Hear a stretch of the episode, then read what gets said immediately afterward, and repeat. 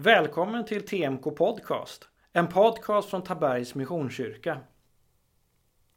Dagens andakt kommer jag, Daniel Arper, som jobbar som ungdomsledare här i församlingen, att hålla. Och ni får följa med till Johannes evangeliet, kapitel 3, verserna 1 till och med 21. Bland fariseerna fanns en man som hette Nikodemus och som var medlem av judarnas råd. Han kom till Jesus en natt och sa, Rabbi, vi vet att det är från Gud du har kommit som lärare. Ingen kan göra, göra sådana tecken som du utan att Gud är med honom. Jesus svarade, sannerligen jag säger dig, den som inte blir född på nytt kan inte se Guds rike. Nikodemus svarade, hur kan någon födas när han är gammal? Han kan väl inte komma in i moderlivet och födas ännu en gång? Jesus svarade, sannerligen jag säger dig, den som inte blir född av vatten och ande kan inte komma in i Guds rike. Det som är fötts av kött är kött, och det som är fötts av ande är ande. Var inte förvånad över att jag sa att ni måste födas på nytt.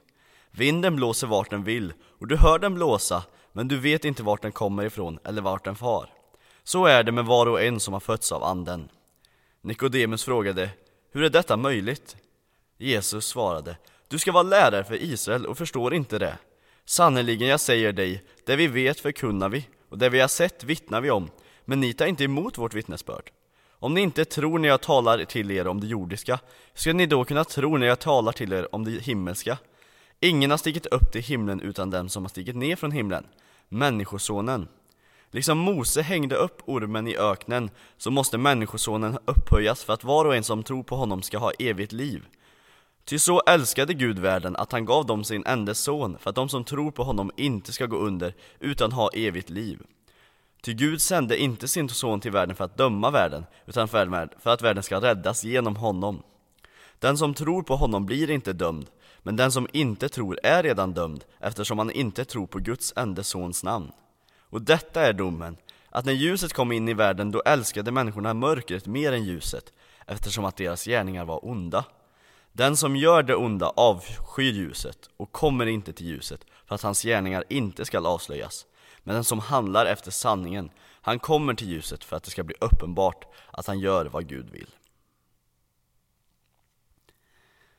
I denna text möter vi Nikodemus som träffar Jesus sent en kväll. Nikodemus är en person med högt anseende, med i judiska rådet. Han börjar mötet med, inte med en fråga utan med ett påstående. Rabbi, vi vet att du är från Gud som du har kommit. Ingen kan göra sådana tecken. Efter det så spelas ett samtal upp där Jesus undervisar Nikodemus om anden och att bli född på nytt.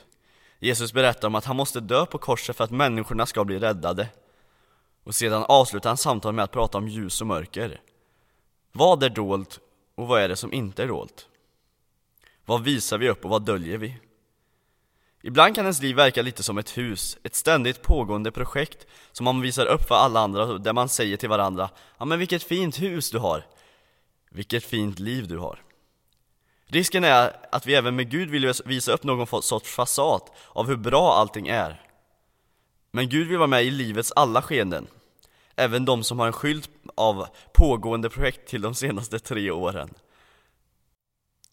Ty så älskade Gud världen att han gav dem sin enda son för att de som tror på honom inte ska gå under utan ha evigt liv. Gud vill låta sitt ljus lysa över ditt liv. Du behöver inte dölja någonting för Gud.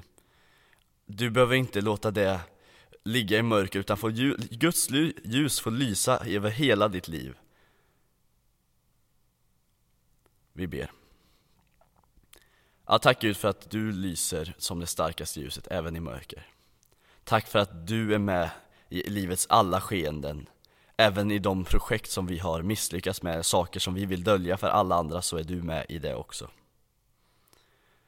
Herren välsignar dig och beskyddar dig.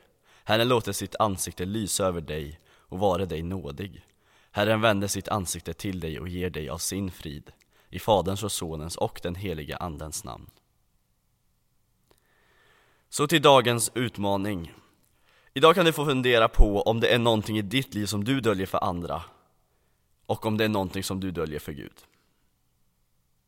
Du har lyssnat på TMK Podcast, en podcast från Tabergs Missionskyrka.